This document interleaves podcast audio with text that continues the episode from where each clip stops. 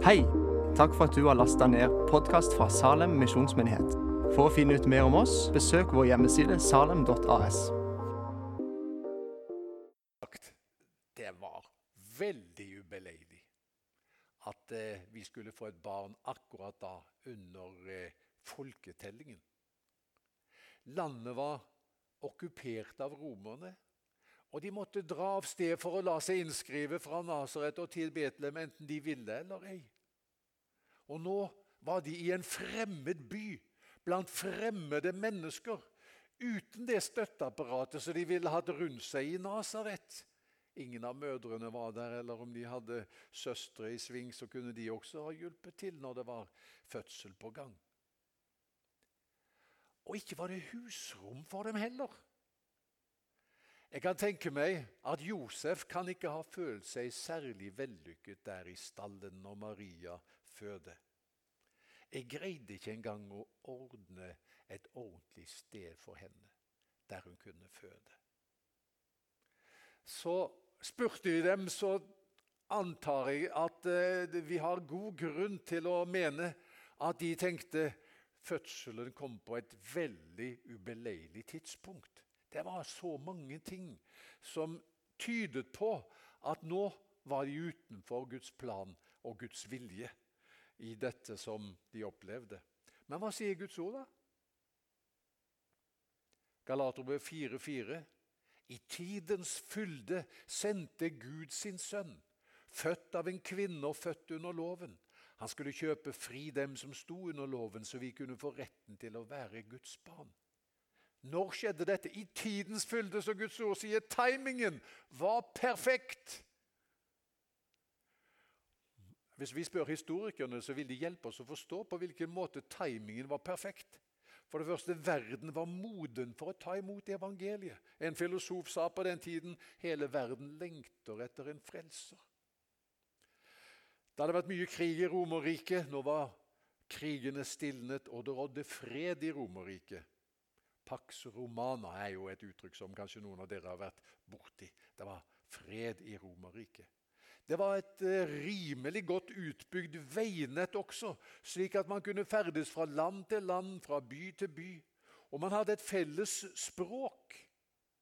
Det var heller ingen selvfølge. Så alt dette det gjorde at det lå til rette for at evangeliet om Han som ble født at evangeliet om ham kunne spres ut i hele den daværende kjente verden. Og det tenker jeg at I dette ligger det en viktig lærdom for oss. Går du gjennom vanskelige tider? Synes det som om det er motbakke, og du kan tenke det som nå skjer, det kan ikke være Guds plan. Jeg vil si trekk ikke for raske slutninger. Josef og Maria må ha følt på det samme, at nå var det bare motbakke, motbakke, motbakke. Ting kunne ikke passe dårligere, dette kunne ikke være noen mening med. Men da Maria fødte i Betlehem, hva skjedde? En gammel profeti gikk i oppfyllelse. Mika 5,1. Du Betlehem, Efrata, minst blant slektningene i Juda. Slektene i Juda. Fra deg la jeg en hersker over Israel komme. Hans opphav er fra gammel tid, fra eldgamle dager. Så mens de strevde med å forstå at eh, det kunne være noen hensikt og plan og mening med det de opplevde nå, så er det altså gamle profetier som går i oppfyllelse. Og det var faktisk slik at eh, Gud styrte det slik at til og med Augustus eh, sine beslutninger måtte tjene denne planen. Interessant. Det tredje. Hvem var denne Marias førstefødte sønn, da? La oss lese videre fra vers 8. Det var noen gjetere der i nærheten som var ute på marken og holdt nattevakt over flokken sin. Med sto en Herrens engel foran dem, og Herrens herlighet lyste om dem. De ble overveldet av redsel. Men engelen sa til dem, frykt ikke. Se, jeg forkynner dere en stor glede, en glede for hele folket. I dag er det født dere en frelser i Davids by. Han er Messias, Herren. Og dette skal dere ha til tegn. Dere skal finne et barn som er svøpt og ligger i en krybbe. Hvem var han, denne Marias førstefødte sønn?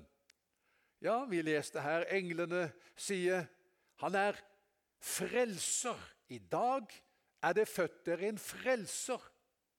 Saken er den hvis du mangler kunnskap, ja, da må du ta kontakt med en kar som Finni, som er lærer. Han kan hjelpe deg med det hvis du mangler kunnskap. Er du syk, da kan du trenge en lege. Har du syndet, hva trenger du da? En frelser. Og frelseren er kommet. Du skal gi ham navnet Jesus, for han skal frelse sitt folk fra deres synder, sa engelen til Josef. Og i Sakarias eh, lovprisning så sier han det at du skal gi hans folk å kjenne frelsen når deres synder blir tilgitt. Så du må ikke tenke som så at hm, jeg er et skrøpelig menneske, jeg har syndet og at det gjør at du er utestengt fra det gode Gud har for deg. Som legen er der for den som er syk, er frelseren der for den som har syndet. Det er poenget med en frelser. Han kom for å slette gjelden til de som har gjeld. Jeg er så glad for at det står i Hebrebrevet 2,16. Det, har jeg funnet trøst i mange ganger. Det er jo ikke engler han tar seg av. Hm? Er det ikke nydelig? Han tar seg av deg og meg. Vi som trengte en frelser, vi har fått en frelser. Han har gitt oss syndenes forlatelse. For det andre så står det her om denne Marias førstefødte sønn, han er frelser. Han er Messias, leste vi også. Barnet som er født, er han som profetene hadde talt om i århundrer. Han som israelsfolket hadde venta på så lenge. Han som er svaret på alle menneskers djupeste lengsler og behov. Messias. Messias er født, den salvede. I Det gamle testamentet var det mennesker i tre posisjoner som gjerne ble salvet. Det var kongene, prestene og profetene. Det var de der tre viktige funksjonene. Og når Jesus er Messias, den salvede, så betyr det at han er kongen. Han er salvet til å være konge. Han er din konge. Hva skal vi med en konge? Kongene sørget for sitt folk. At de hadde det godt. At det gikk dem vel. Han er din konge. Han skal sørge for deg. Så da kan vi liksom senke skuldrene. Der kommet en konge. Han er min konge. Han er prest òg. Det latinske ordet for prest, hva er det, da? Ja, det er pontifex. Har du hørt det ordet? Det betyr brobygger. Og det er fullt av mening.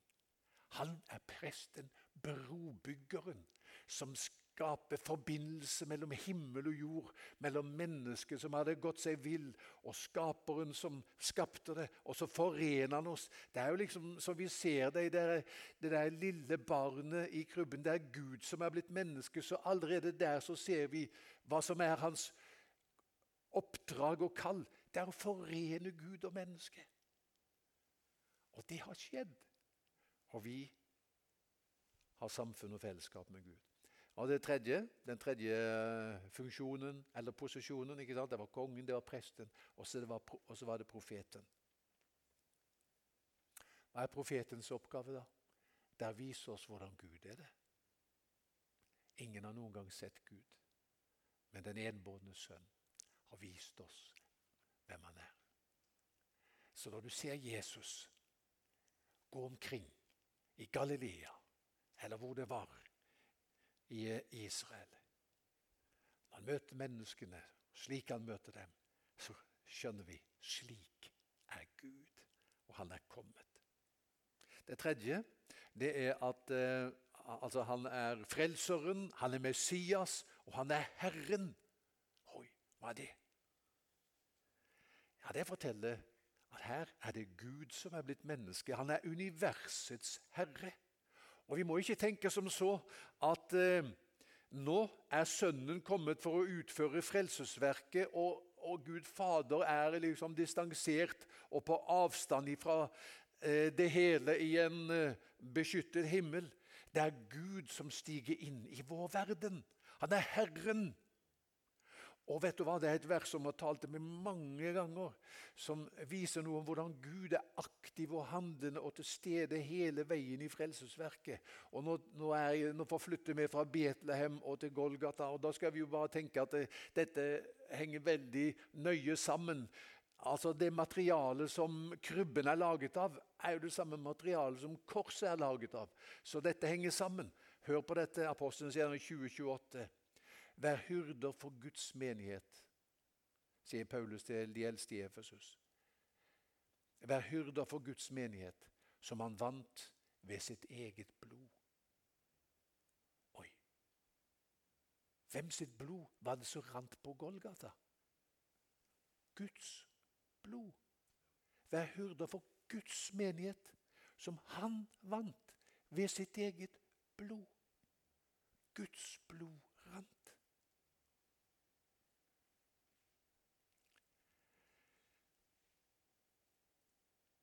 Derfor er det at jeg forstår Hendel.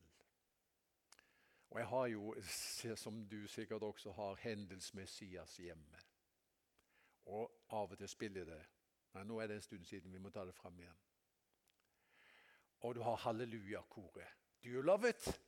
Ja, det gjør jeg også. Halleluja-koret, det er bare hva, Synger du det, Ruth Mathea? Ja, det gjør det.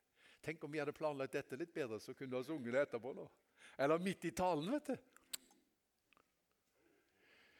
Men jeg er ikke helt sikker, for jeg kan eh, telle feil. Men når jeg leste teksten i halleluja-koret i Hendels Messias, så kom jeg til at eh, halleluja synges 56 ganger.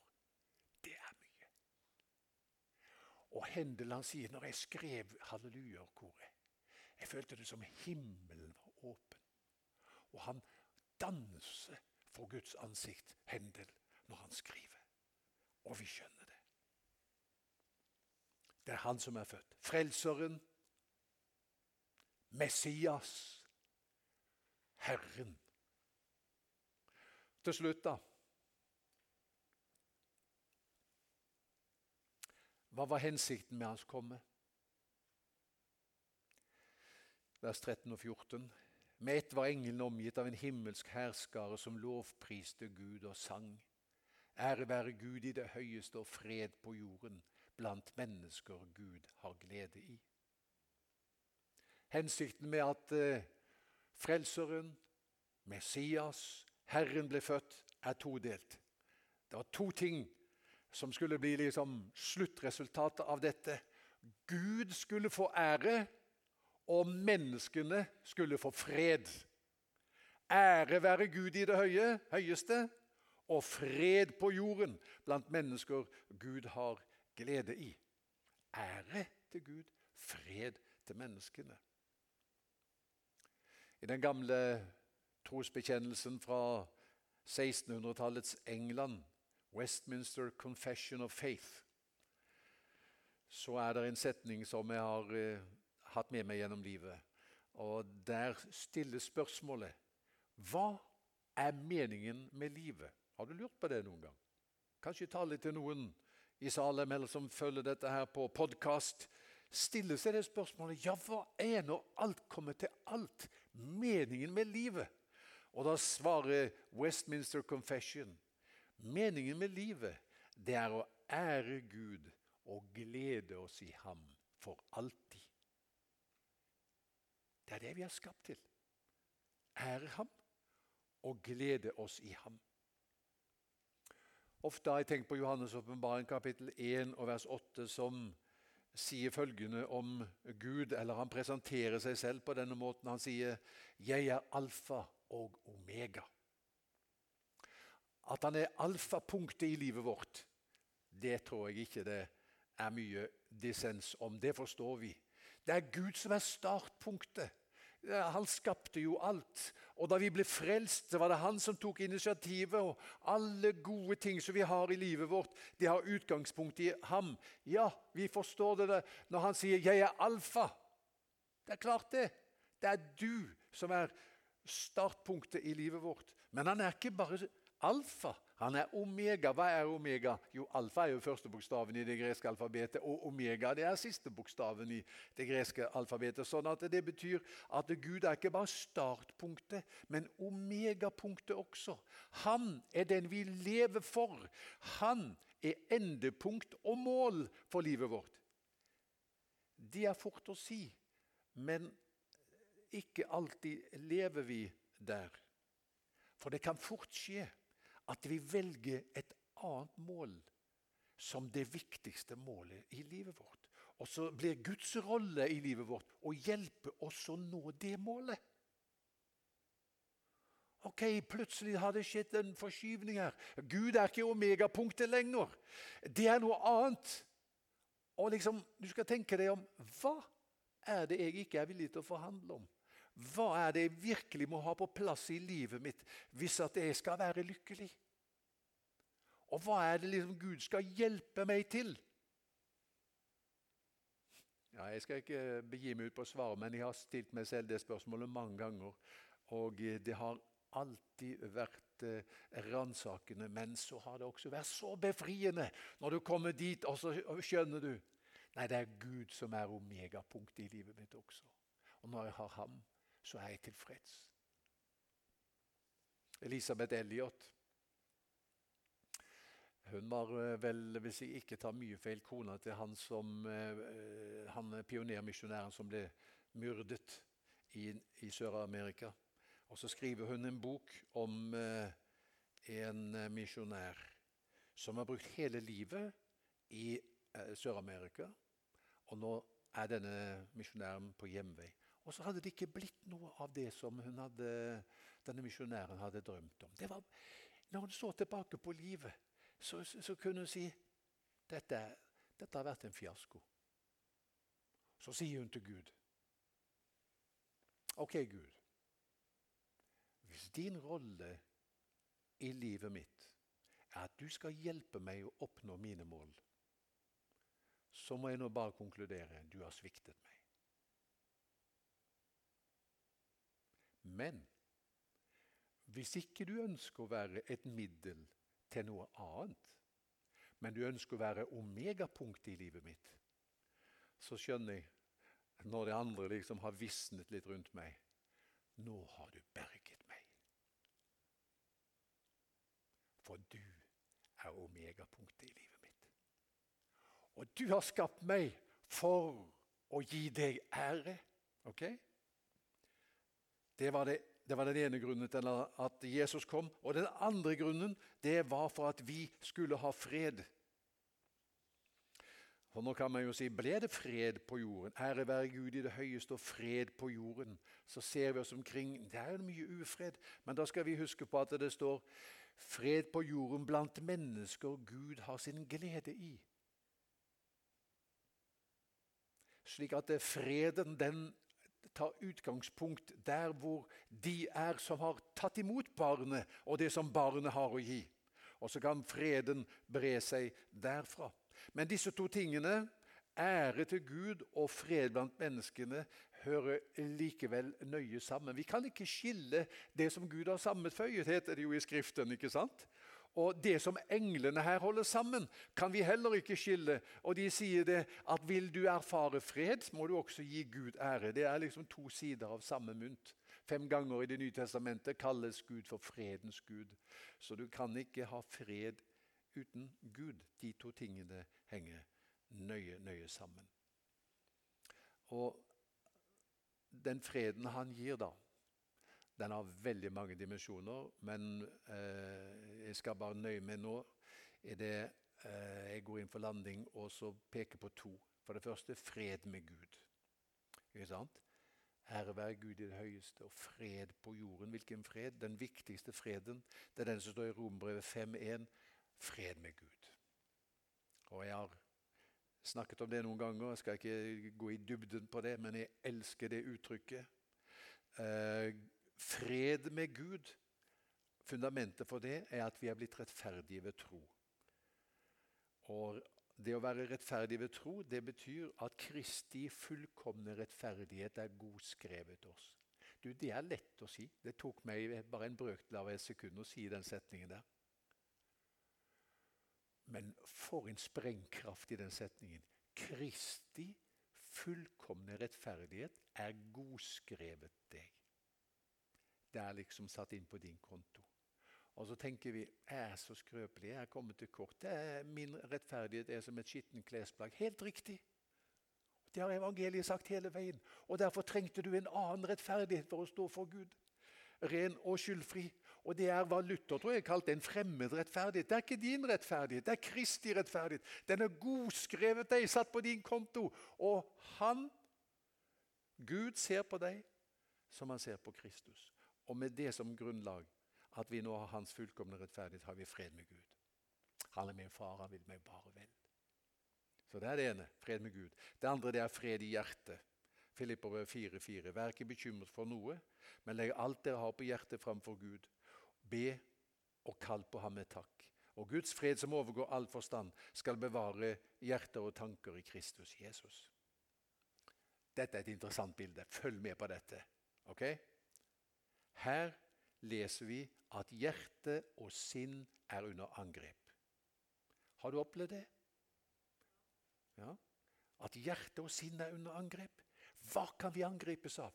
Skyldfølelse, bekymringer, frykt, usikkerhet, angst. Alt dette er angrep utenfra som vil ta fra oss freden. Men her sier Paulus at Gud skal passe på deg. Han vil bevare, og det uttrykket der handler om å beskytte, liksom som en armé eller soldater. Passe på noe som er viktig. Så vil Gud bevare hjerte og tanker med sin fred. Og den kan du også eie når du ikke forstår eller vet hvordan ting skal bli.